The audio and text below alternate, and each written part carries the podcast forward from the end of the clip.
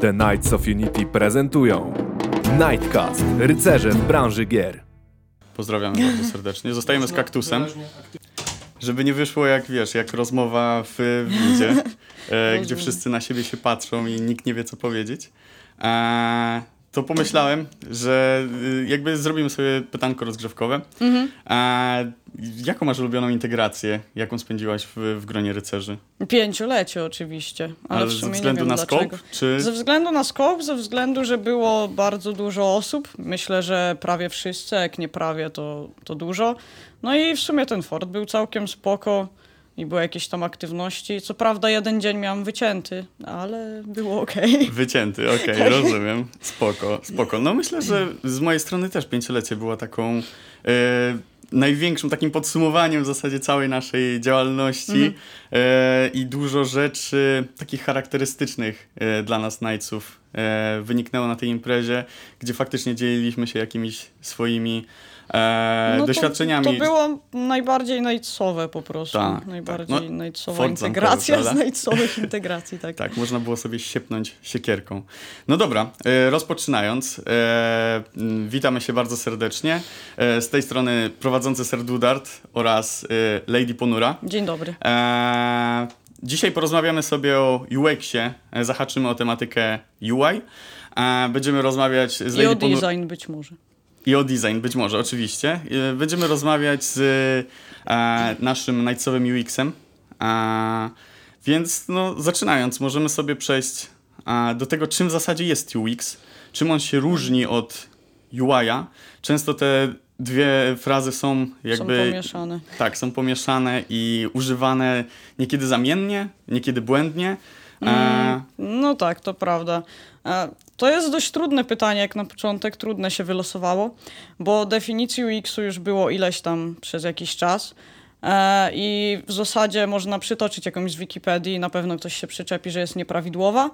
E, więc w sumie może nie będę tego robić. Ja nawet nie znam tych definicji, bo, bo nie jestem zbyt dużym teoretykiem. jasne, przyznam E, ci szczerze, że przygotowując się do tego podcastu... Przeczytałeś. Tak, przeczytałem. I nic nie wiesz dalej. Tak! No rozumiem, tak myślałam. Doskonale. Dlatego może powiem to swoimi słowami. Dla mnie UX to jest takie coś, że jak wchodzisz gdziekolwiek albo robisz cokolwiek, to wiesz jak to zrobić. Czyli moją robotą jest sprawienie, żebyś wiedział, że jak chcesz coś zrobić, to od razu wiesz jak to zrobić i nawet się nie zastanawiasz nad tym, czy wiesz, czy nie. I nie musisz tego googlować, nie musisz nigdzie sprawdzać, po prostu myślisz sobie, nie wiem, chcę odpalić grzanie mikrofalówki, podchodzisz do mikrofalówki, klikasz grzanie i grzeje ci się jedzenie. Więc moją robotą jest trochę sprawienie, żebyś nie wiedział, że ona istnieje, Jasna sprawa. co jest trochę smutne w sumie, bo, bo przez to nikt tego nie zauważa i nikt nie wie, że mnie potrzebuje tak naprawdę, a mimo wszystko potrzebuje.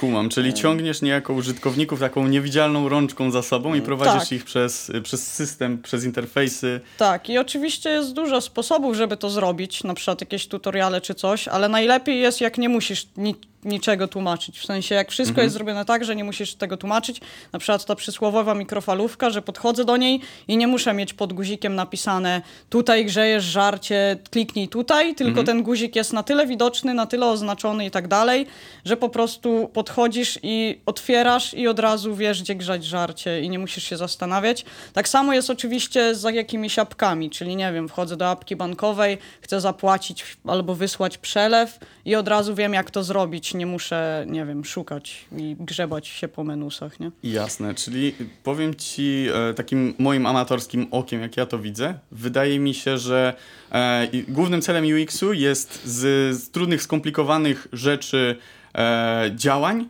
sprowadzić je do, do, do jakiejś takiej najprostszej postaci, prostej dla użytkownika, dla szarego... Tak, najprostszej, żeby on się nie musiał zastanawiać, co tam się dzieje pod spodem. No jest to dość ważne. Sztandarowym przykładem, którym się często wszyscy posługują, jest na przykład to, że okej, możesz źle zrobić aplikację i wtedy ktoś wyszuka w Google, jak coś zrobić. Okej, możesz nie podgrzać żarcia w mikrofalówce i wtedy postoisz przed tą mikrofalówką dwie minuty, ale możesz też na przykład skopać UX w elektrowni w Czarnobylu i jak y, klikniesz nieodpowiednią wajchę, to możesz wysadzić cały Czarnobyl. Jasna sprawa, więc coś, co na pozór wydawałoby się nam e, mało przydatne, ma tak naprawdę ogromny wpływ na działanie wszystkiego w Tak, dzisiejszych i my czasach, sobie nie? trochę podkopujemy tą mało przydatność, bo naszą pracą jest to, żeby ludzie nie wiedzieli o tym.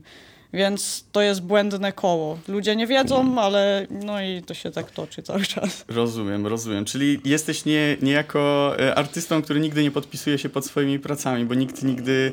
No E, tak, mogę tak powiedzieć. Oczywiście podpisuję się, jeśli, nie wiem, zatrudniam się do pracy, czy ludzie w firmie, mie- no to znaczy teraz wiem, że nie już, ale powiedzmy, że chociaż niektóre osoby wiedzą, co robię, ale frontowy użytkownik praktycznie nigdy nie zauważy mojej pracy i prawdopodobnie nie będzie w ogóle wiedział, że ja byłam kiedykolwiek w projekcie. Jasne, jasne. No ta, też tak sobie to wyobrażam. Sytuację, kiedy siadasz do, do jakiejś aplikacji i nawet analizujesz ją pod kątem designu, wyglądu samego w sobie, to wydaje mi się, że 90% ludzi nie zwraca absolutnie uwagi na to.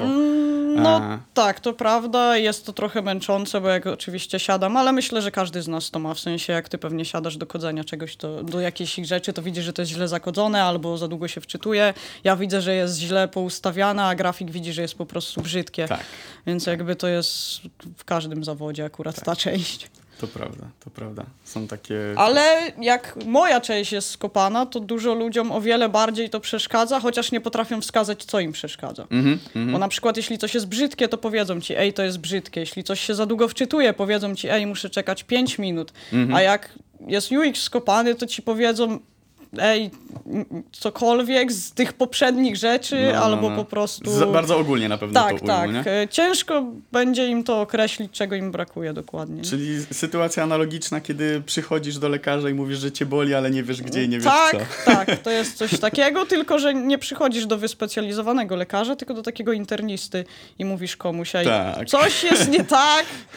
I nawet Panie nie, lekarzu, tak, proszę boli mnie naprawić. Boli mnie człowieku. Tak. Mogę tak to określić. Ciekawa sprawa. No dobra, a gdzie wokół tego leży ten cały UI a, i dlaczego a, To są to frazy... mieszane. Tak.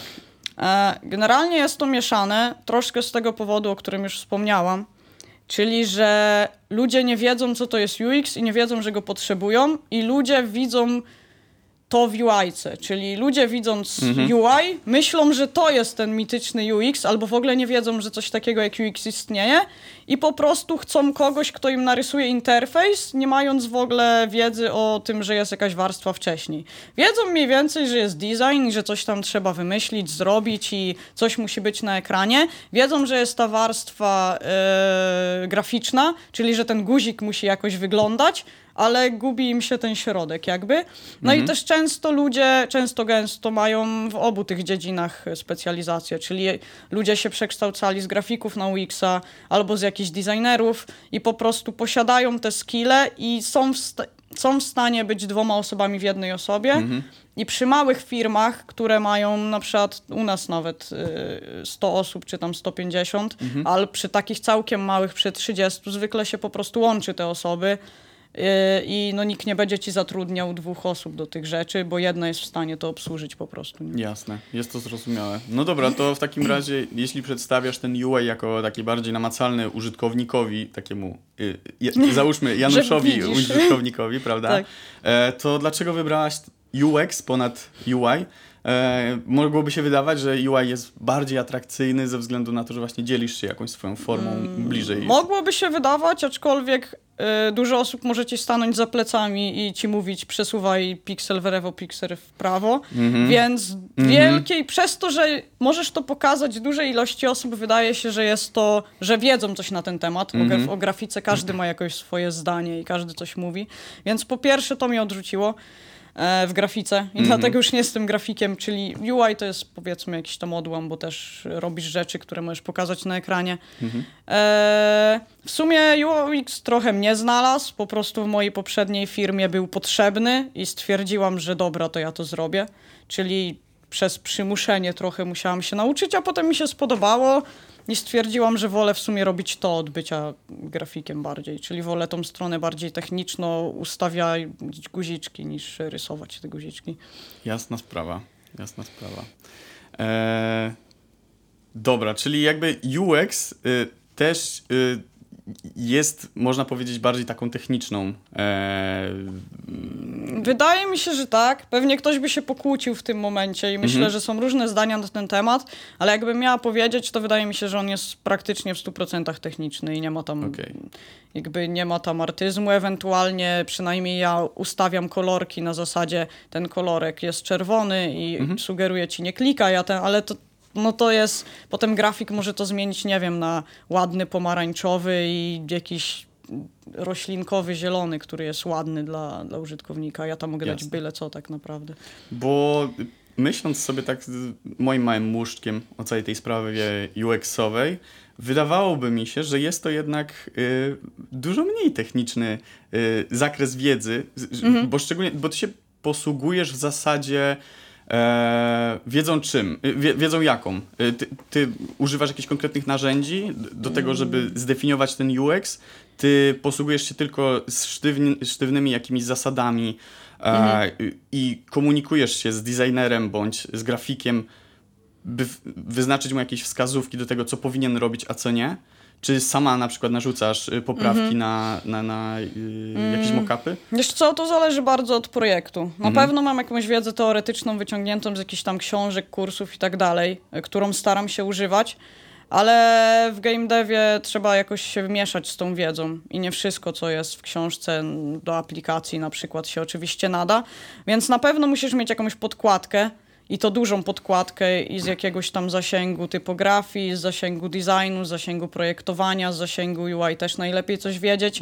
I w ogóle na przykład jak ktoś potem musi to rysować, no i warto też coś wiedzieć nawet z samego kodzenia, żeby potem nie zrobić deweloperowi na złość, żeby musiał kodzić to jakoś super naokoło. Chociaż często deweloperzy sami potrafią do mnie przyjść i powiedzieć, ej, zmień to, bo my to będziemy kodzić przez trzy dni, a możemy to kodzić szybciej, jak zrobić to w jakiś inny sposób. Tak. Więc to jest bardzo ogólna wiedza z różnych rzeczy, która się przydaje.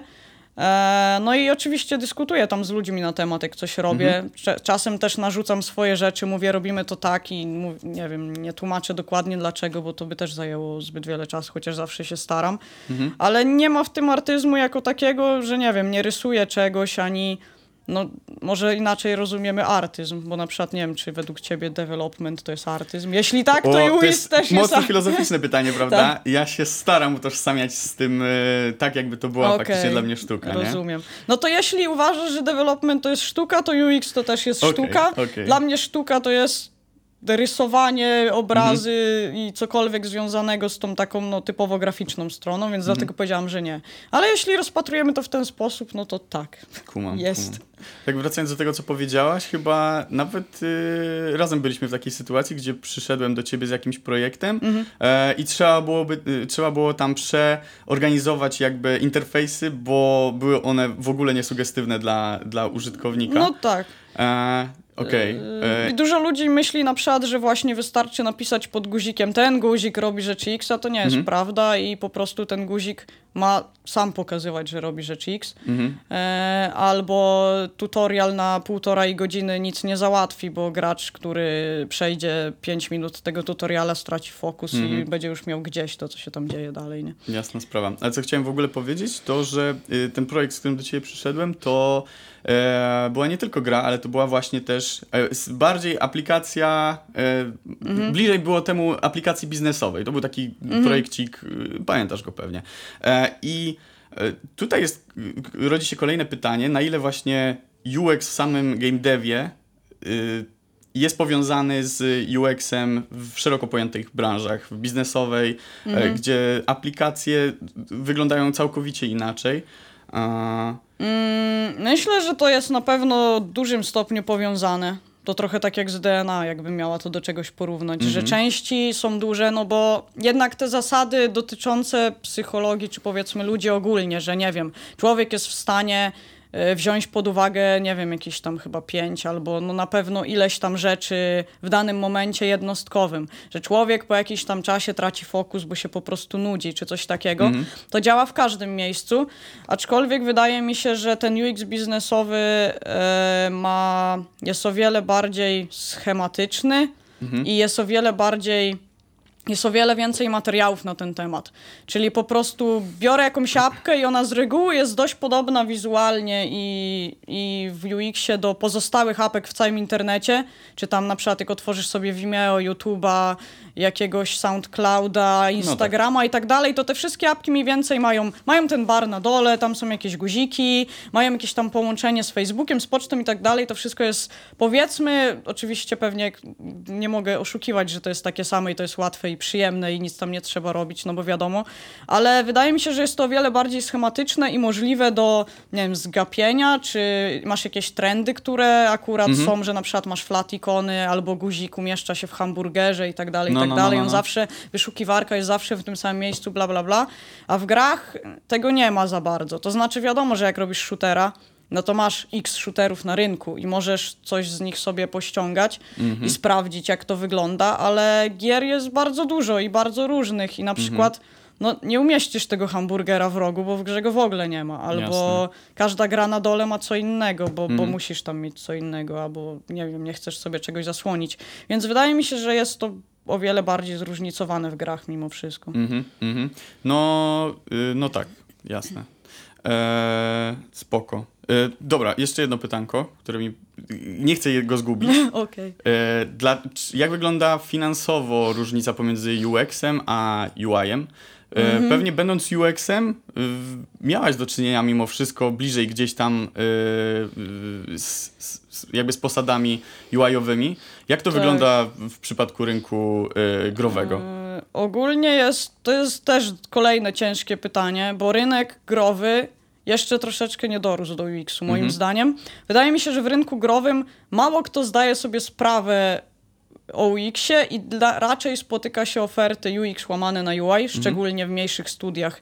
Nawet jak e, coś tam gadałam z większymi studiami, to często się okazywało, że oni tam mają jednak jakoś pomieszane te, te Tak. rzeczy. Że nie ma, tak naprawdę rzadko kiedy ktoś ma stricte UX-owca, tych UX-owców też jest w ogóle różne rodzaje, o czym też możemy zaraz powiedzieć, ale rzadko kiedy, więc ciężko mi do końca powiedzieć. Wydaje mi się jednak, że finansowo UX jest pomiędzy deweloperami a resztą. Mhm. Czyli powiedzmy jest dość kasowy. Wydaje mi się, że deweloperów raczej nie jestem w stanie doścignąć z widełkami, ale nie jestem aż tak daleko z drugiej Okej, strony. okej. Czyli to jest jakby kolejny powód, dla którego też warto wybrać e, UX e, No ponad sam UI. tak, oczywiście to też jest generalizowanie, bo jak ktoś jest super grafikiem, no to wiadomo, że 3D na przykład, no to też jest w stanie wyciągnąć bardzo dobry hajs. Tak. Ale jakbym miała porównać wszystkie oferty, jakąś tam Mhm. wyliczyć z tego średnią, to wydaje mi się, że jeśli ktoś na przykład jest grafikiem i robi ilustrację, i widzi, że średnio zarabia przy tym, to dobrą drogą jest przenieść się na interfejs. Czyli nawet nie na sam UX, ale może być może na UI, a potem Mhm. przeskoczyć jeszcze wyżej. Nie? Jasne, jasne.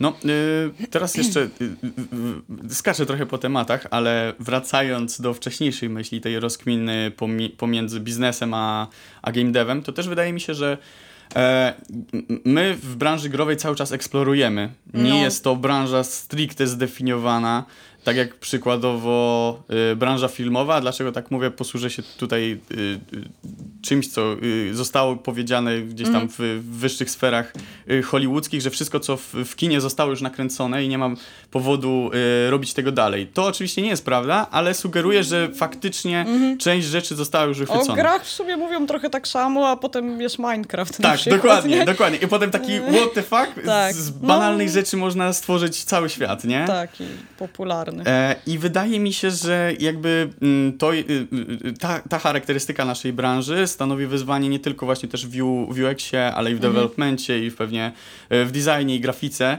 E, I mamy dużo mniej tych drogowskazów, które faktycznie powiedzą ci sztywno, ej, idź tą drogą i twój produkt będzie na pewno dobry. No też, też tak myślę. To znaczy, to też trochę należy rozróżnić, że nie jest tak na każdym rynku growym, bo my akurat nie siedzimy w mobilkach, Mhm. a myślę, że mobilki są trochę tak, jak powiedziałeś. Czyli jednak mobilki trochę są, że już każda mobilka, przynajmniej taka została zrobiona Tak. i w mobilkach masz te city buildery na przykład, to jest cała droga. Jeśli ktoś zrobi dobrego city buildera i dobrze go rozreklamuje, no to ma jakiś taki pewny, powiedzmy, znaczy też niepewny, bo to algorytmy, ale no powiedzmy, że to jest coś jak byś nakręcił sobie trzecich czy tam piątych z rzędu Avengersów. No. Jak już masz tych pięciu poprzednich, to ten szósty jest takim pewniakiem, który prawdopodobnie przyniesie ci dochód, więc to też bardzo zależy od game devu, którego game devu. Podejrzewam, że my teraz będziemy bardziej rozmawiamy cały czas o tym game devie indie, No, no bo w nim siedzimy. nie? Najbliżej, najbliżej nam No do tak, niego, prawda? warto o tym wspomnieć, że to też zależy od, od kierunku game devu. To na pewno, to na pewno. Ale y, tak, i niektórym, wydaje mi się, że też się zgadzam z tym, że można tak powiedzieć, że e, niektóre gry, tutaj wspomniałeś o rynku mobilnym, już im coraz bliżej w ogóle, nie tylko z perspektywy UX-u, ale i z innych cech do takich aplikacji biznesowych, No prawda? tak, no moim zdaniem te gry są aplikacjami Tak. z mikrotransakcjami, a nie grami. Dokładnie. To też jest niepopularna opinia, ale no, zapraszam do kłótni. Change my mind. tak. tak, spoko, spoko. Tak Dobrze. czy inaczej, wracając do tematu, kolejny jakby, kolejna duża ryba na naszej drodze naszych rozkmin UX-owych, to jak w ogóle wygląda cały proces tworzenia. Mhm. Proces tworzenia wygląda, znaczy dobra, inaczej. Proces tworzenia wygląda różnie, zależy Mhm. od tego, co się trafi. Nie mogę powiedzieć, że proces tworzenia wygląda jakoś tam. Mogę powiedzieć, jak wygląda proces tworzenia w idealnym świecie, Mhm. ale on praktycznie nigdy tak nie wygląda i zawsze są tam jakieś zgrzyty i dlatego potem gry mają na przykład opóźnienia półroczne albo coś w tym stylu. Ale idealny proces powinien wyglądać tak, że no ktoś sobie wymyśla grę, mówi dobra, chcę jakąś tam grę, ta gra trafia do designu, albo ten ktoś jest designerem i po prostu ten designer designuje całą grę i na przykład w najlepszym wypadku spisuje GDD, czyli opisuje każdą funkcję, jak to się ze sobą łączy, na przykład, że mamy pieniążki, te pieniążki wydawane są na to albo na siamto, te pieniążki się zarabia w ten i w ten sposób, mamy jakąś tam, nie wiem, mamy jakieś tam zwierzaczki, które możemy gdzieś wsadzać i na przykład są jakieś rodzaje klatek i te klatki są zapełniane tym, tym i tym i ten zwierzaczek nie może siedzieć z tamtym, bla, bla, bla. I to jest design, dodatkowo pewnie do tego designu są jakieś tabelki właśnie z zależnościami, typu, nie wiem, słonik nie może siedzieć z surykatką, a jakiś tam tygrys nie może ze słoniem i tak dalej, i tak dalej. I potem tak naprawdę powinnam wkroczyć ja i najlepiej jak ja już wkroczę z, z UX-em od środka mniej więcej tego procesu, czyli Okej. będę nie jest to konieczne, ale fajnie to się potem zgrywa i zaraz powiem dlaczego. Jak pod koniec przynajmniej, albo mniej więcej w środku tego procesu już zaczynam się wdrażać razem z tym designerem, bo na przykład już jestem w stanie trochę nagiąć to pod frontowego użytkownika, bo mam jakąś troszkę inną wiedzę.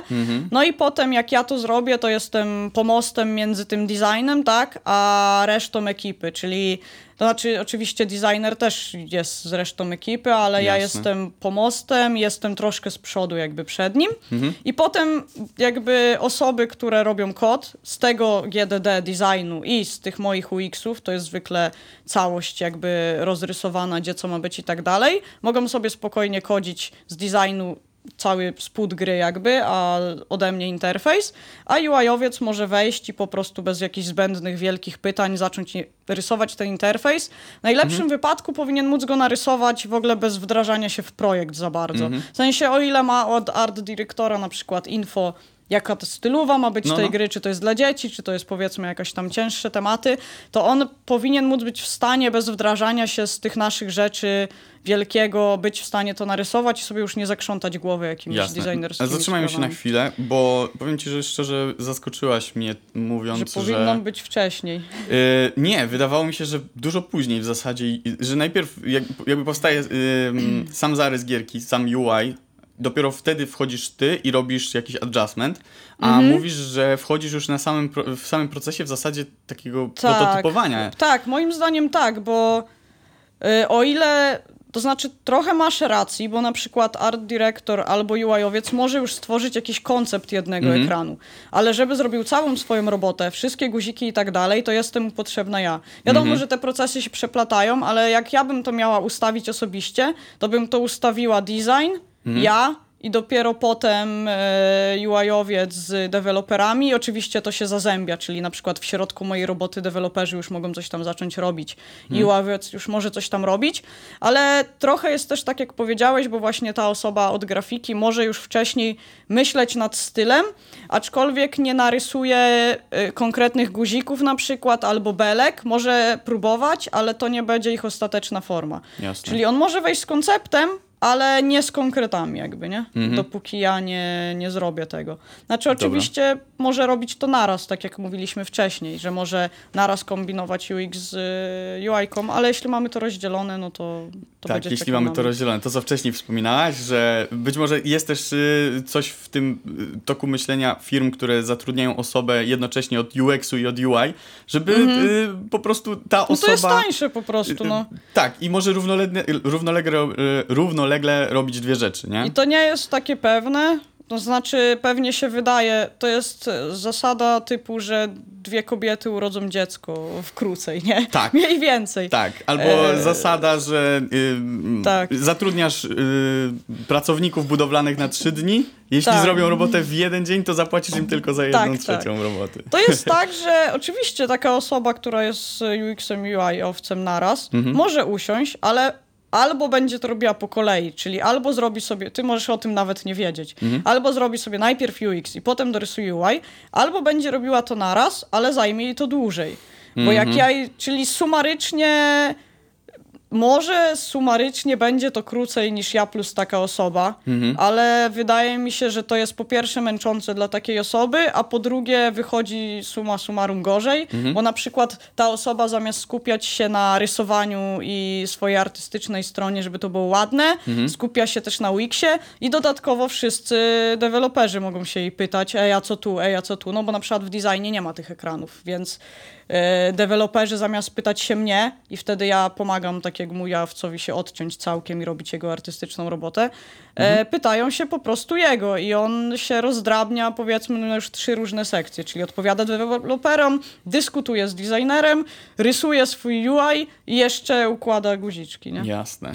E, Okej. a i też warto zaznaczyć, że UX to nie jest tak naprawdę tylko to, co zwykle się kojarzy ludziom z UX-em, czyli te makiety, Mhm. z których ja się specjalizuję głównie i głównie to robię, to tak naprawdę jest ostatni schodek UX-u. Mhm. Przed tym schodkiem jest jeszcze cała masa rzeczy, w ogóle planowania flow, E, jakichś Chcesz grafów. o tym szczegółowiej w sumie opowiedzieć? Bo to jest E, ciekawe. Tak, to mogę opowiedzieć. Chodzi o to, że najpierw, zanim w ogóle się cokolwiek zrobi, to często ludzie nie wiedzą, co chcą i trzeba od nich trochę wyciągnąć, co chcą. To jest też kwestia designera, ale ja też w tym uczestniczę i na przykład musisz zapytać, a kto ma z tego korzystać, bo to jest bardzo ważne dla, UI, dla UX-u. Mhm. Jasna I na przykład taki przykład z życia, jak masz automat biletowy, to dla ciebie jest bardzo ważne, gdzie ten automat biletowy będzie stał. Bo Mhm. na przykład, jeśli automat biletowy będzie w tramwaju i on będzie wisiał, to jako UX dla ciebie bardzo ważną informacją jest to, że będzie się tam trząsło, że ludzie mają jakieś siaty pod rękami,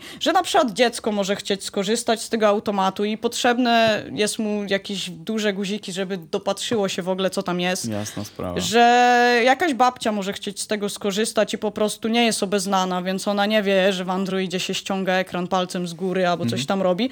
Więc to jest bardzo ważne dla UX-a w ogóle, po co to jest i dla kogo. Żebym na przykład wiedziała, że te guziki muszą być prawie na cały ekran, że ciężko będzie się z tego korzystało. I w ogóle to jest cała researchowa robota, czyli najpierw dowiedzenie się i tak dalej, i tak dalej. Potem się zwykle robi research, jak inni ludzie to robią, żeby nie wymyślać koła na nowo. Czyli są UX-y, którzy na, nie robią żadnych designów na przykład, w sensie taki nie rysują ekranów, tylko siedzą w tabelkach w Excelu i patrzą. Potem na przykład są nakierowani na analitykę, czyli robią testy AB, robią testy z użytkownikami i stwierdzają, Dobra, nie, nie na podstawie z dupy za krzaka, czyli mojej intuicji, tylko na podstawie badań wyszło mi, że Mhm. Okej. 10 osób nie wie, że tutaj się klika, trzeba Mhm. coś z tym zrobić i wtedy taki UX od makiet, albo może być to jedna osoba, zależy od skali projektu tak Mhm. naprawdę, bo jeśli masz mały projekt, to jesteś w stanie wszystko zrobić sam. Mhm. Analityka chyba jest najgorsza. No i wtedy dopiero się to przekłada, więc tak naprawdę przełożenie tego guziczka z lewej na prawą w makiecie to jest w ogóle osta- jakiś, wiesz, Rozumiem. bardzo malutki fragment Rozumiem. tego całego procesu. Czubek góry lodowej w zasadzie. tak. Wspomniałeś o tej analityce. No, od analityki testów, AB testów mi e, jakby moje myśli kierują tylko i wyłącznie w kierunku gier mobilnych, e, a gry mobilne to wiadomo zarobki. I Mhm. No tak. zastanawiam mnie, na ile ty masz realny wpływ jako UX designer e, na jakby bawienie się jakimiś takimi psychologicznymi zachowaniami graczy, właśnie na podstawie Mhm. analizy, na podstawie badań, i jaki masz realny wpływ na to, na przykład, czy aplikacja przynosi zysk, bądź go nie przynosi. Mhm. Czy jest jakaś zależność pomiędzy twoją profesją, a jakby realnymi Tak. e, wskaźnikami. Wydaje mi się, że to ma bardzo duży wpływ, bo Mhm. zależnie od tego, gdzie twoim zadaniem jako X jest kierowanie, tak jak wcześniej mówiliśmy, co ma zrobić użytkownik. Oczywiście jak on chce zrobić coś konkretnego, na przykład nie chce kupić tych monetek, to ich nie kupi. Ale Mhm. możesz mu sugerować, że chce je kupić. Czyli Mhm. na przykład y, z kolei to jest już kwestii designera, żeby on stwierdził, żeby on zrobił tak, że mu tych monetek brakuje oczywiście, Mhm, ale ja jako UX też na przykład mogę mu podrzucać sklepik, czyli mogę mu wystawiać sklepik na dolnym barze zawsze pod ręką, Mhm. mogę mu wystawiać pop-upy, ej patrz jest sklepik, fajne rzeczy są w sklepiku, mogę mu na przykład zamiast w aplikacji bankowej zamiast głównego guziku CTA, Mhm. guzik CTA to jest taki guzik najbardziej krzyczący na stronie, który chcesz od razu klikać, Okej, taki okej, pierwszy wysuwający zaloguj się na prowadzenie. tak? Tak, Na- na, okej. przykład zaloguj. No, no. Mogę mu zamiast guziku, y, guzika y, zapłać przelew, dać guzik weź kredyt. Mhm. I wtedy pierwsza rzecz, i na przykład jeśli guzik zapłać przelew byłby głównym, no to on w ogóle oleje ten mu opcję brania kredytu i po prostu kliknie guzik zapłać przelew, bo to chce zrobić. Kumam. Ale jeśli wystawię mu guzik zapłać y, weź kredyt, to on generalnie zobaczy, że jest taka opcja w ogóle. Więc myślę, że mogę mieć dość duży wpływ na to. No ale to oczywiście Jasne. zależy od uczciwości y, ludzi, którzy chcą coś takiego zrobić. Tak, ale no, wydaje mi się, że to przerosło moje oczekiwania w ogóle. Myślałem, że nie trafię, ale jednak trafiłem. Okej. Okej, y, jest, to, jest to coś dużego. No dobrze, powiedzieliśmy sobie o tym początkowym takim procesie, kiedy Mhm. ws- współpracujesz ściśle z designerem, z mm, teamem, który prototypuje jakąś gierkę. E, idźmy krok dalej. Jak to wygląda y, w procesie już samego developmentu i potem w utrzymaniu gry? Jakie są twoje zadania i czy ty na przykład w ogóle bierzesz udział w tych procesach? Ja, mi się wydaje, że ja biorę jakiś tam udział przez cały proces powstawania gry. Czyli tak jak powiedziałam, najlepiej jak już wejdę w designie i siedzę, moja największa robota zaczyna się po designie, czyli jak gadaliśmy wcześniej, jak jestem pomostem między tymi osobami, ale jednak tak naprawdę jak już ta y, gra jest prototyp robiony, czy jest skodzona, to ja dalej jestem potrzebna, bo na przykład okaże się, że wyskoczył jakiś problem, nie dorobiliśmy czegoś, bo się nie dopatrzyliśmy, że brakuje całego flow jednego, albo na przykład trzeba coś przestawić, bo okazało się, że nie wiem, Apple zmieniło zasady i nie można już czegoś robić w ten czy inny sposób i trzeba to zmienić. No i staram się brać udział. Oczywiście ciężko mi ogarniać ileś tam procesów, jak mam, nie wiem, dwa duże zadania. Ale staram się zawsze jakoś tam patrzeć na te mniejsze zadania i bardziej czy mniej, ale zawsze być w tym procesie cały czas i Okej. pomagać na przykład w QA nawet, czyli sprawdzać, bo QA też nie ma wiedzy na tematy UX-owe na przykład i oni zrobią, ok, guzik działa, no to Tak, dobrze, tak. działa. A ja mówię, "Ej, ale ten guzik jest nie w tym miejscu, więc staram się nawet tak daleko iść jak QA. Eee, no i oczywiście czasem różnie to wychodzi, bo czasem nie ma na to czasu, ale nie wiem, no staram się jakby uczestniczyć w całym, całym procesie. Nie? Jak Mhm. najbardziej. Wydaje mi się, że jeśli guzik byłby nie w tym miejscu, to dobry QA raczej zwróciłby na to uwagę. Mm, Do, niby tak, ale, do, ale nie wiem, czy QA też zawsze jest świadomy, po co jest ta apka, tak jak Okej. mówiłam przed chwilą. Czyli jeśli QA jest świadomy, że chcemy podsuwać ludziom kredyt, Mhm. zwróci na to uwagę. Ale jeśli QA nie jest do końca tego świadomy, to może nie zwrócić na no to tak, uwagi. to się nie? zgadzam. To są takie tematy już, że QA no, też nie musi wiedzieć wszystkiego. Oni nie są alfą i omegą, żeby wiedzieć wszystko, wszystko, nie? Tak, tak, to prawda. Okej. A, y, A jeśli chodzi o utrzymanie samej gierki po wydaniu już, Mhm. czy y, chciałem zapytać, jak, jak, jak są rozłożone w zasadzie twoje obowiązki w całym tym procesie? Mhm. No bo jak sobie to wyobrażam, to na samym początku wydaje mi się, że masz najwięcej roboty. No tak. A, ja z perspektywy dewelopera wiem, że jakby przez cały ten proces jest kupa roboty i zawsze jakby pracujemy na 100%. A, no ale wiem, że na przykład designer Niekoniecznie. Designer ma y, na początku zazwyczaj najwięcej roboty, potem y, to się gdzieś tam niweluje i jest jej dużo mniej, jak w przypadku UX-u. Mm, Wydaje mi się, że UX jest podobnie jak w przypadku designera, tylko Mhm. jest to przesunięte jakiś offset. Więc designer zaczyna wcześniej i kończy wcześniej. Mhm. Ja zaczynam troszkę później, czy tam po designerze i kończę później. E, Ale designer no też musi jakoś tam brać udział w całym procesie. Fajnie jakby coś tam robił, ale myślę, że jest mniej więcej tak jak mówisz. Po Okej. wydaniu ja wchodzę, jak się okaże, że nie wiem, na przykład na forum użytkownicy zgłaszają jakiś problem. Mhm. Ale to wtedy i designer sprawdza ten problem, i ja sprawdzam ten problem, i wszyscy sprawdzają ten problem. I dopiero wtedy mówimy, ej, dobra, to jest twój problem i ty źle to zrobiłeś, a nie Okej. mój problem, nie? Na tej zasadzie bardziej. Jasne, jasne. No dobra. E, nie wiem, masz w głowie jakieś takie najbardziej zwariowane rzeczy, które wydarzyły się w procesach, w których ty brałaś udział? E, o rzeczach, których możemy mówić pewnie, E, co wydaliśmy. E, tak. Myślę, że najbardziej zwariowane dla mnie było przełożenie sajta, planszówki na mobile. O tyle było spoko, że jak już weszłam do projektu, to ta planszówka była przełożona na komputer, w sensie na PC-ta, więc coś tam już było, ale nie wiem, jak można sobie wygooglować sajt, albo możemy tu wrzucić przebitkę, yy, że jak to wygląda. Jest to generalnie wielka gra na cały stół, z figurkami, z kartami, jakimiś tam rzeczami naokoło. I nagle dostałam taska, ej Magda, zmieść, zmieść to na iPhone'ie 4 O, cale, nie? Więc ja miałam takie... Co? Jakby, No co? brzmi jak wyzwanie i to Tak. konkretne. E, no ale dostałam ten digital, popatrzyłam, ale digital dalej masz cały ekran i myszkę, która jest bardzo precyzyjna. Ale no nic, no rozpisaliśmy to i się okazało, że się da. I nawet były głosy, że ten wersja mobilna jest wygodniejsza do grania niż wersja PC-towa, więc... Okej. Więc pojawiły się, nie wiem ile, trzeba było sprawdzić, ale udało się, chociaż było to okropne i siedzieliśmy obtoczeni milionem telefonów. Ja siedziałam, chyba miałam przed sobą z 10 albo 12 urządzeń, bo jeszcze na tabletach to musiało działać. Była akcja, że mieliśmy w najgorsze, co miałam zrobić z tą grą, to wrzucić ją na telewizor Apple'a. Czyli był pomysł w pewnym momencie, żeby wrzucić tą grę na telewizor Apple'a i do sterowania mieliśmy pilota z trzema guzikami O kurde. i touchpadem. Ale nie miałaś, w sensie y, y, nie jestem obeznany w tym device'ie, ale nie miałaś jakby tego pointera, który podąża Nie, za... nie, było po, nie było pointera, tam był tylko taki touchpad, że mogliśmy zasymulować ewentualnie myszkę, ale na analogu jakby.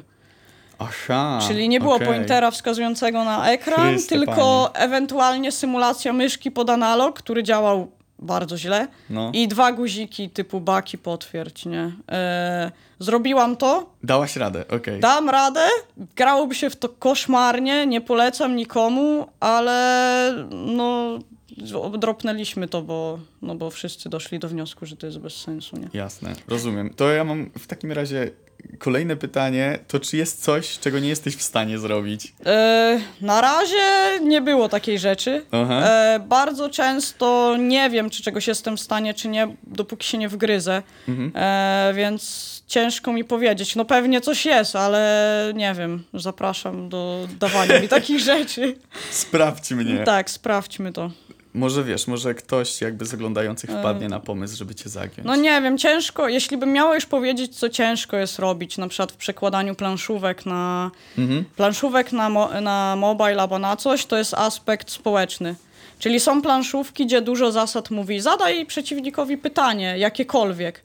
No i nie jesteśmy w stanie tego okodzić, ale to już nie tyle jest tyle problem UX-owy, co ogólny nasz problem, że w mediach na przykład jeśli nie, nie ma TeamSpeaka, no to nie zrobisz tego, No, więc to jest taki ogólny problem, ale UX-owo problematyczne jest w grach, że cały UX w zasadzie sugeruje ci, że powinieneś coś wskazać użytkownikowi, czyli drogę, że ej, to jest twój mind flow, rób to, na przykład płać albo coś tam, bierz kredyt albo kupuj monetki.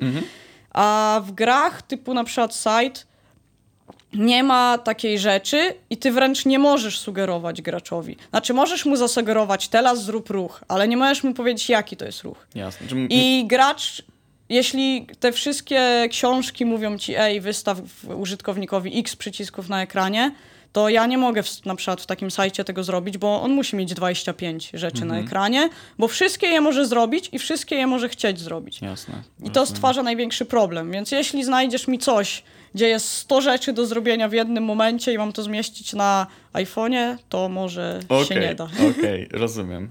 Jasne. Dobra, słuchaj, to idąc już troszkę dalej, czego w zasadzie pracodawcy wymagają od UX-a? Oni nie wiedzą, czego wymagają. Aha, okej. Ja przychodzę, mówię tak. Nie, z większości przypadków tak jest. Mhm. Oni myślą, że wiedzą, nie wiedzą. Ja przychodzę, mówię, co robię i ich pytam, czy, czy im się to przyda. Mhm. E, niektórzy mają większą wiedzę, jak na przykład serio siedzi ktoś w środku, ale rekruterka w życiu ci tego nie powie, bo ona ledwo wie, co ja robię. Więc raczej jak już gadam z technicznymi osobami na przykład, to one są w stanie powiedzieć, jak oni to robią. Się okazuje, że ja to robię podobnie, albo całkiem inaczej z jakiejś perspektywy, ale pracodawcy zwykle nie wiedzą, z czego oczekują. Zwykle oczekują niestety UI-ki też, czyli y, opisują, duże korpo zwykle mają już powiedzmy jakieś ogłoszenia, o nie, zaschnęłam mikrofon, zwykle korpo mają jakieś tam ogłoszenia, które są dość sensownie napisane, no ale co, tam jest zwykle tak, nie wiem, oczekujemy, że zrobisz nam mock-upy interfejsu do aplikacji X. Oczekujemy, że rozumiem. e, będziesz dyskutował z deweloperami, designerami o tej aplikacji. Oczekujemy, że zrobisz animację. Właśnie, animację to jest kolejny duży kawałek, który całkiem pominęliśmy. Czy one są bezpośrednio związane z UX-em? Z UX-em? Eee, Ciężko mi jest z- sobie to wyobrazić, mówiąc. Zależy. z- Myślę, że to jest płynna dziedzina między dwoma, między UI-ką a UX-em, może trochę designem, Mhm. ale zwykle muszę mocno się konsultować. Czyli ja na przykład jestem w stanie opisać, tutaj jest potrzebna animacja wejścia, która zasugeruje użytkownikowi, że przesunął mu się slajd czy coś. Aha, A designer wtedy, twój designer, a wtedy UI-owiec czy osoba od animacji, y, mając już tą wskazówkę, robi Mhm. taką piękną animację. Albo na przykład te, to auto teraz będzie strzelać, zrób animację strzelania. Jasne. Czyli ja bardziej daję takiego guida, że fajnie coś zasugerować tą animacją, a ktoś od animacji robi tą animację, żeby Rozumiem. była ładna i milutka. Kumam, czyli jeśli jesteś już w tym końcowym etapie y, produkcji twojej pracy, czyli na mockupowaniu tak zwanym, Mhm. to sama tych animacji nie definiujesz jakoś. E, Z, no ja akurat nie, Mhm. ale wiem, że są osoby, które robią to, co ja i też się tym zajmują. Więc to Okej. zależy od specjalizacji. Teraz akurat warto wspomnieć, szukamy osoby od UI-ki ze specjalizacją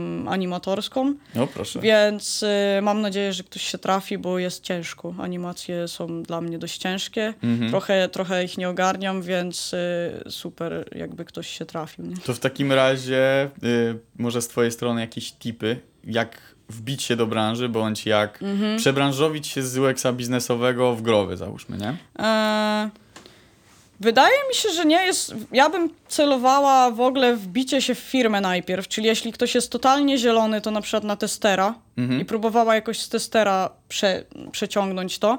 Jak ktoś już umie grafikę, to wydaje mi się, że ma trochę łatwiej iść po tej drodze UI-owca. Czyli jak ktoś jest grafikiem, ja tak zrobiłam. Byłam grafikiem, przerobiłam się na UI-owca i z UI-owca wskoczyłam w UX i to jest spoko ścieżka. No można też zaczynać od zera, tylko z racji tego, co wcześniej omawiałam, że ludzie w ogóle mało wiedzą o tym, to ciężko może być się wbić w bycie UX-em, jak firma nie wie, że potrzebuje UX-a. Tak. Więc lepiej jest się wbić do firmy yy, i po prostu sugerować, ej, patrzcie, można coś fajnego zrobić i potem dopiero powiedzieć, ej, to jest UX, przyda ci się to, nie wiedziałeś o tym, ale to jest spoko. E, W ogóle zdaje się No. to być dla mnie takim głównym, główną trudnością w byciu UX-owcem, że jesteś sam sobie sterem i okrętem, nie? trochę E, tak, no, to okej. prawda. Ale myślę, że lepiej się, że rynek tam aplikacji biznesu jest lepiej jednak. Tam już dotarło ten UX, Mhm. więc jak ktoś zaczyna od zera, to mimo wszystko bym chyba sugerowała zaczynać od, nie od game devu. Bo w Okej. game devie jest to trudne, jest trochę niewiedzy na ten temat i łatwiej znaleźć seniorów i nauczyć się tego biznesowego, wbić się tam do jakiejś porządnej firmy, która to robi i ma jakieś zaplecze na ten temat, poczytać sobie wszystkie książki i tak dalej, też dotyczą tego biznesowego, więc będzie łatwiej spiąć to w całość i z taką wiedzą próbować dopiero wbić się do game devu. Okej, tak czyli entry level jest na innym poziomie Tak, jeśli z tak? game devu, to ja bym celowała z testera albo z UI-owca, z grafika, nie? Jasne. Okej, okej. To w takim razie na tym etapie przebranżowienia e, gdzie szukać wiedzy, w jaki sposób się uczyć, w, bo wyobrażam sobie, że taką sytuację, nie? Jesteś, e, angażujesz się do firmy biznesowej stricte i nie masz takiego faktycznego obycia z grami też, nie? A, gdzie szukać jakby inspiracji, gdzie szukać doświadczenia w, w zakresie Gier. gier? Wydaje mi się, że niestety jak nie grasz, to nie zrobisz. Chyba, chyba nie, jest, nie będę mówić na 100%, bo nie Ale wiem, nie, załóżmy, że jesteś osobą grającą w gry, nie? Mhm. No to to jest twoja główne źródło Okej. wiedzy. W mojej pracy moim głównym źródłem wiedzy są inne gry Mhm. i patrzenie na przykłady. Nie znalazłam do tej pory żadnej sensownego kursu. Znaczy są kursy, inaczej, kursy dla początkujących osób może jeszcze jakieś uda się znaleźć. Ja niestety nie, nie wyjustuję ich, bo zaczynałam od tego progu ze środka jakby, więc te kursy mnie troszkę nie obchodziły, bo już wiedziałam, co robię na tyle, że były dla mnie nudne. Ale myślę, że coś tam idzie znaleźć. Ale w takiej wiedzy z mida albo z seniora w game devie typowo pod UX nic mi się nie udało znaleźć takiego sensownego. Oczywiście na YouTubie są kanały, które, które opowiadają o tym, więc myślę, że warto zabrać się, jeśli się na przykład w ogóle nie ma do czynienia z UX-em, to warto poczytać sobie jakieś książki, które możemy w sumie wrzucić na dół. Kilka propozycji mogę podsunąć, ale to są książki o designie UX-ie ogólnie, czyli o tych rzeczach do ludzi, a nie game devowym, ale no najlepiej po prostu odpalić sobie jakąś grę i centralnie patrzeć w tej grze, jak to jest zrobione, zastanowić się w ogóle, czemu jest tak to zrobione i spróbować na przykład zrobić sobie malutką gierkę samemu, czyli wymyśleć sobie jakąś grę, albo nawet wziąć grę, która nam się nie podoba pod tym względem, bo uważamy, że się źle tam klika, albo wziąć jakąś grę planszową i spróbować ją samodzielnie zrobić, nie? Kumam, kumam. A jaki, w- jaka była twoja przygoda? Yy, jak wyglądał twój, yy, twój proces jakby dostania się yy, Tam, i no kooperacji z to TKO? mówiłam w chociażby? poprzednim pytaniu w sumie kawałkiem. Yy, kawałkiem, E, ale tak kawałkiem. szerzej, nie? Bo E, jakby przedstawmy... Przez, jakby... ale prze, jak do game devu się w ogóle dostałam, tak? Mm, tak, no i co robiłaś wcześniej, nie? Ja wcześniej pracowałam, e, w ogóle długo byłam freelancerem, więc robiłam bardzo różne projekty. Robiłam i logaski, ulotki, rzeczy do druku, jakieś tam plakaty i tak dalej. Zaczynałam tak naprawdę od takich naprawdę najgorszych moim zdaniem zleceń, No, typu no. jakichś januszowych plakatów za 100 zł, ale to chyba każdy tak zaczynał, więc się nie ma co Tak, wstydzić. tak. E, potem e, robiłam we freelancie jakieś tam większe rzeczy, robiłam jakieś strony internetowe i tak dalej. Potem zgarnął mnie startup jeden, e, Mhm. w którym robiliśmy e, aplikację do wycieczek w 360, czyli tam poznałam jakby VR-y i w ogóle dzięki temu coś tam wiem o tych VR-ach. E, I w sumie to było już trochę związane z grami, bo jednak jak masz VR, to te interfejsy są takie trochę growate, więc tam, tam stworzyłam jakby taki dość duży produkt i nauczyłam się pracować w grupie i z ludźmi, bo wcześniej jako freelancer miałam tą tylko wiedzę pojedynczą. No i potem, co akurat nie jest może przykładem, bo y, rzadko się tak zdarza, ale zadzwonił do mnie Piotrek Sobolewski z pierwszego naszego podcastu i No powiedział, ej Magda, chowam pracę. I mówię, dzięki, biorę. Więc y, nie Piotrek, tak. Piotrek też był osobą pewnie, która nie wiedziała, czego do końca od ciebie chce. Czy Tak, wiedzieli już? y, wiesz co, oni chcieli ode mnie. Nie wiedzieli, że wiedzą. Okej, Oni okej. chcieli, żebym zrobiła właśnie sajta, e, żebym przełożyła sajta na mobile. aha. E, czyli chcieli tak naprawdę ode mnie UX, ponieważ UI do tej gry był gotowy. Okej. Trzeba go było dorysować, ale w gruncie rzeczy był gotowy z wersji PC-owej. Mhm. Więc tak naprawdę tak, od razu zaczęłam robić UX. Mimo, Spoko. że nie wiem, czy Pio- może Piotrek jest świadomy, nie chcę teraz mówić, że nie jest, jakby co, jakby ktoś mnie słuchał, ale wydaje mi się, że mógł nie być do końca świadomy, że to, ale potem jakoś zrobiłam tego sajta właśnie w taki sposób, jak robię wszystkie swoje projekty. No. Y, Bardzo dobrze osoby, bardzo feedback był pozytywny, że super, że fajnie, że takie coś jest, Mhm. czyli zrobiłam te makiety i tak dalej. No i potem okazało się, że do każdego projektu, jakiego było możliwe, zostałam wciągana. Ej Magda, zrób ten, zrób makiety, bo, bo jest miło wtedy. E, I ja miałam tutaj być tylko przy sajcie. Na Mhm. jeden projekt zostałam wciągnięta, no ale przez to, że okazało się to potrzebne, czyli właśnie to, co mówiłam, że olśniło ludzi, że że to jest potrzebne, Mhm. e, no to zostałam do teraz, już trzy lata chyba mi Kozak. będą leciały. I w ogóle wlazłaś na ten projekt w zasadzie na sam koniec.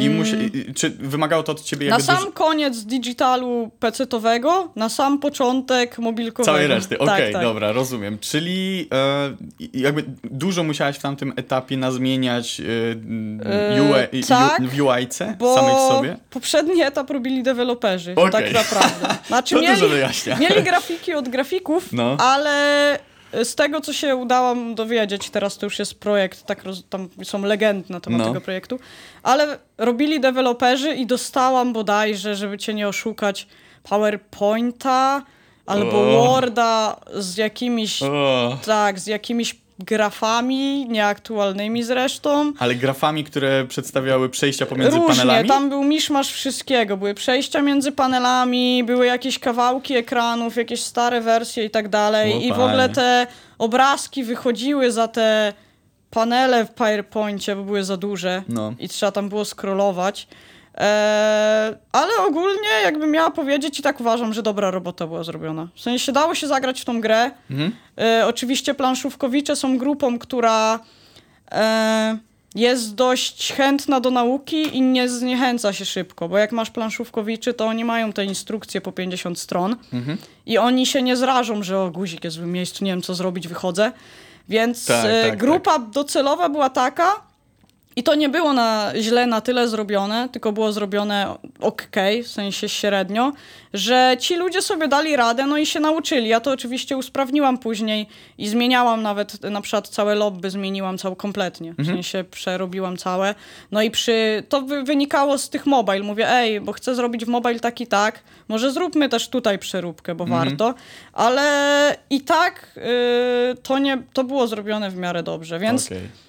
Jest to trochę dowód, że da się bez tego UX-owca zrobić, Mhm. ale podejrzewam, że to było obarczone wielkimi bólami, płaczami i potem tą wiedzę też jest ciężko pozbierać, jak kogoś wdrażasz na przykład.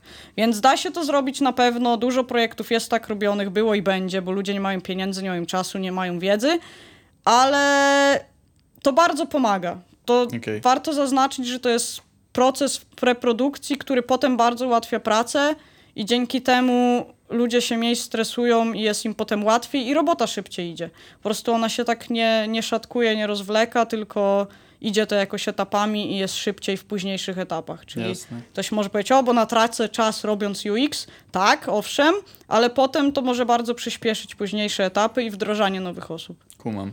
No, powiedziałeś, że i, i, w jakiś sposób jesteś w stanie wytłumaczyć, że UX nie jest do końca potrzebny? A Czy uważasz, że na przykład y, site byłby w takiej dobrej formie, w jakiej jest teraz, bez ciebie? Em, Czy daliby radę, tak jak powiedziałeś, deweloperzy dociągnąć ten... Myślę, że mam przeczucia, że już tej mobilki nie daliby rady zrobić. Mhm, Wersję digitalową dali radę jakoś mhm. i ona działała, ale myślę, że jeśli chodzi o mobile, już nie mieli na tyle wiedzy. Kumam. Na mobile to mogłaby być trochę katorga. Czyli wydaje mi się, że do pewnego stopnia tak, do pewnej wielkości projektu tak, ale tutaj już by mogli się wywalić. Jasne, jasne.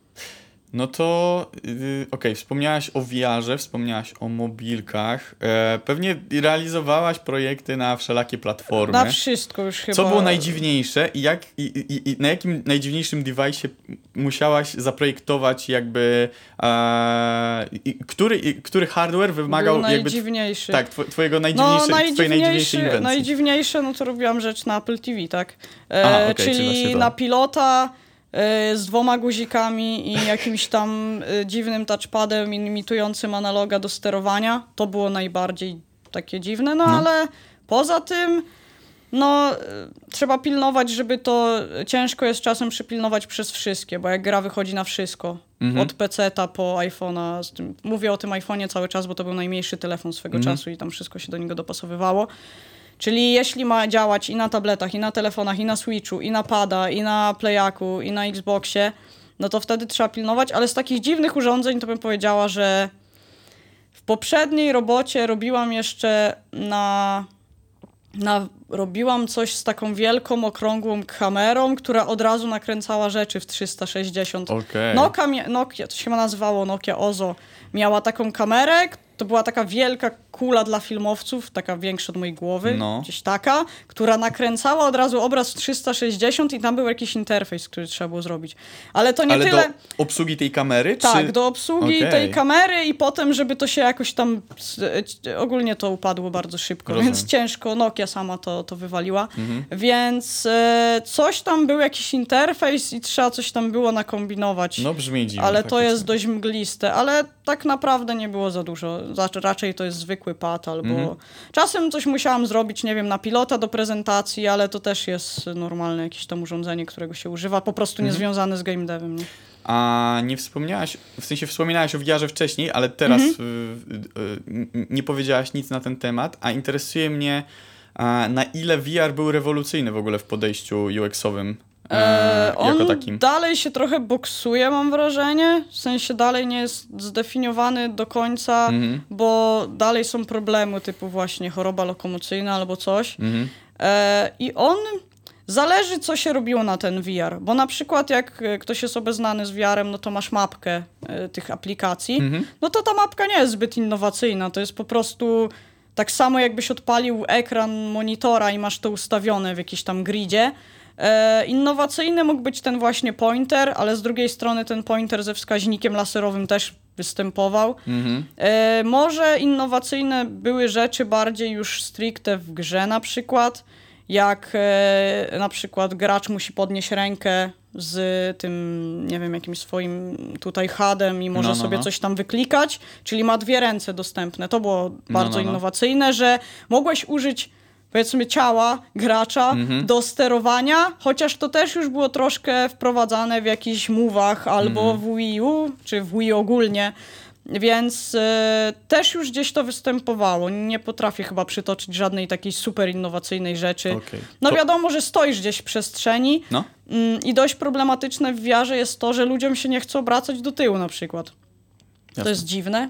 E, I w UX-ie to jest ważne, żeby nie umieszczać rzeczy. Mhm. Tam są jakieś stopnie wyrobione, że masz tyle stopni, możesz umieszczać guziki, to już raczej nie, bo ludzie mają to gdzieś, a tam to już nikt nie Mhm, spojrzy, Jasne. więc się tam w ogóle tym nie przejmuj. Nie? Y, Bo wiesz dlaczego zapytałem? Bo swojego czasu robiłem aplikację VR-ową a, i to co, to, co pamiętam, że ko- kontrola y, wsz- wszelakiej UI, jaką miałaś w gierce, odbywała się za pomocą wzroku.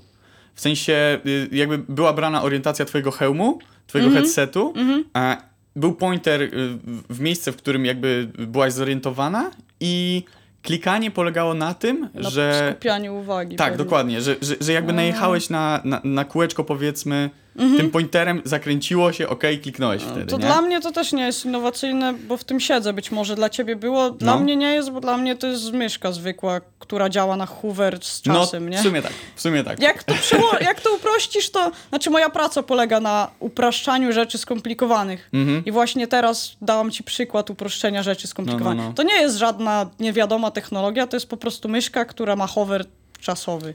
Tak. Układa się z trzech rzeczy. Myszki, hoovera i czasu. Tak, być może w Yy. tym środowisku, w którym się znajdowałem, wydawało Tak. mi się to czymś innym, ale faktycznie, no z twojej perspektywy to powinno być No, na tym polega moja robota. tak. Słuchaj, jeszcze chcę zapytać o stack technologiczny. Tak technologicznie. Tak, którym się posługiwałaś, być może się posługujesz, czy to się zmienia, czy to jest stałe mniej więcej? Mm. A, Ja posługiwałam się przez długi czas Photoshopem, o to ci chyba chodzi. tak, O pro- w czym robisz makietki, e, tak, w czym robisz... E, posługiwałam się długi czas Photoshopem. Bardzo był popularny jeden program, który nie pamiętam jak się nazywa, bo właśnie mi wypadło z głowy i teraz wszyscy stwierdzą, że nie jestem UX-em prawdziwym. Coś na A, tylko wy macie Azure, Axure chyba? Jakiś program na A. No, no. Bardzo ważny i teraz polecą na mnie gromy. Był taki program bardzo długo popularny, ale on już z tego co wiem troszkę osłabnął. I Mhm. potem oczywiście mamy Sketcha, to jest flagowy program, w którym siedzą prawie wszyscy. E, Ale Sketch jest tylko na Maca i teraz pojawił się jeszcze Adobe XD Mhm. jako odpowiedź na Windowsa na tego Sketcha, który z tego co wiem dzia- działa dosyć dobrze i jest lubiany, bo Mhm. mocno współpracuje z Photoshopem, ma animacje i tak dalej. Mm, ale ja osobiście całą pracę trzymam w Figmie, bo to jest e, taki Adobe XD albo Sketch, który ma jeszcze w sobie aspekt kooperacji. Czyli mogę z pięcioma osobami naraz patrzeć na to, co robię i po prostu im tłumaczyć. Poza tym wszystko działa w chmurze, więc y, nie muszę plików żadnych przenosić. Siadam do jakiegokolwiek komputera i to tam działa. Ale tutaj trzeba sobie popróbować. No mi akurat się podoba najbardziej ten program i zawsze go polecam wszystkim, bo uważam, że jest super, ale uważam, że Sketch na pewno jest też bardzo dobry. Adobe e, XD chyba jakieś tam miało perturbacje, ale już coś tam poprawiają, więc też jest spoko. I jeszcze do tego należy dołożyć programy do animacji. Z tego co wiem, w Sketchu to jest chyba Principle, a ja używam ProtoPie, czyli zaciągałam sobie te designy z Figmy, a Adobe XD ma animacje wbudowane chyba w soft, czyli jeśli robisz animację, to możesz tam. Czyli zależy tak naprawdę, co chcesz robić, to jest pierwsza rzecz, jaką sobie musisz zadać pytanie. Co ja chcę w ogóle zrobić? Czy ja chcę to do klientów, czy ja chcę to ładnie, czy ja chcę to pokazać deweloperom, jak krowie, patrz tu, tak się to robi. Jedno czy chcesz, tak, ważne pytanie. Jakie? Właśnie w sensie to je, je A powiedziałeś. to, Musisz a, odpowiedzieć myślałam, sobie. że masz ważne pytanie. Tak, musisz odpowiedzieć sobie na to ważne pytanie. I to nie ma tak, że dobrze czy niedobrze. Tak. Najbardziej, co w życiu cenię, to ludzi. Tak, dokładnie. E, No Jasne, tak, jest rozumiem. to ciężkie, ale właśnie to jest tak trochę jakby ktoś nagle podszedł do ciebie i zapytał, i to też jest ciężkie pytanie, jaki tablet graficzny mam kupić? no tak, to jest, to jest jedno z tych Albo pytań. jaki komputer mam kupić? No nie Ech. wiem, a będziesz tam odpalał rendery Tak, tak. czy coś w tym stylu, no to jest pytanie takie ciężkie w sumie. No, kupujesz komputer. E, Znaczy jest ograniczona liczba opcji, ja jestem w stanie, jakby ktoś bardzo chciał wyłuszczyć komuś, kto się zna, albo Mhm. kto mniej więcej wie, co chce robić. Dobra, bierz to, albo dobra, bierz tamto, ale no dalej to mocno zależy od tego, na co się nastawiasz. Jasne, jakby moje pytanie, wiesz, też nie, nie, nie chodziło w nim o to, żebyś rzucała hinty, tylko Mhm. po prostu przedstawiła, y, czym ty się specjalizujesz, czego ty najczęściej używasz. To ja, bym, ja używam Figmy, ale polecam też bardzo sprawdzić Sketcha i Adobe XD, nie? Mhm, jasna sprawa, jasna sprawa. Dobra, będziemy powoli sobie kończyć. E, jeszcze mam ostatnie takie luźne pytanie do ciebie. Dlaczego game dev i e, jakie gry? Dlaczego game dev? Y, bo Piotrek do mnie zadzwonił. Okej, wszystko jasne. Piotrek do mnie, znaczy od zawsze, ja od zawsze siedziałam w grach i zawsze matka stała mi nad głową, Magda, do niczego ci się te gry nie przydadzą, Tak. wyjdź na dwór. Znaczy akurat tutaj troszkę przesadzam, bo moja mama bardzo, bardzo mnie wspierała, no i czasem jak przesadzałam i siedziałam po nocach, no to mówiła, ej Magda, może, może już nie, ale też jakby rozumiała to, co robię, rozumiała, że jakoś się tym pasjonuję i nie mogę tak powiedzieć, że mi stała nad tą głową i że gry się do niczego nie przydadzą i tak dalej. Ale po prostu siedziałam od zawsze w grach, bo ja pochodzę z wiochy. No i na wiosce nie masz za dużo do wyboru. Możesz pić albo grać, Albo w grać w M- gry. albo Możesz pić albo grać w MMOsy. Tak. Ja poszłam drogą grania w MMOsy, więc może dlatego ostatecznie wyszło mi to na dobre, No, bo picie sprawa. wychodziło różnie. E, więc po prostu byłam tam zainteresowana, zaczęłam to robić. No jest to ciekawe. Po prostu wydaje mi się, że UX w grach jest ciekawy, nie da się znudzić, jest masa różnych projektów, oczywiście zależy gdzie się trafi, ale zawsze jest coś do roboty, jest to ciekawy jakby projekt do zrobienia i do rozkminienia sobie. I są też fajni ludzie, bardzo szanuję ludzi w game devie. Mogłoby się wydawać, że mamy samych piwniczaków, Tak, introwertyków, tylko na pozór. ale tak, ale właśnie nie jest tak, co mnie też szokowało do przyjściu do firmy. Myślałam, że Mhm. będzie więcej takich osób, które są jakby zamknięte w sobie, a jest bardzo dużo otwartych osób, które w ogóle nie pasują do tego jakby Stereotypu. obrazu, No, stereotypu gracza. Dokładnie. E, a co do gier, jakie gram, to bardzo różne naprawdę. W sensie chyba w, teraz, no we wszystkie, bo sprawdzam i łajki we wszystkich. A tak dla przyjemności to nie wyłamię się pewnie, ale gram w jakieś Wiedźminy. Trochę gram w Indyków, e, a ostatnio grałam w cy- Cyberpunka chyba najwięcej. I lubię tą grę, jest super. Nie uważam, że Mhm. nie jest ma skopana. zwalonego UX-u?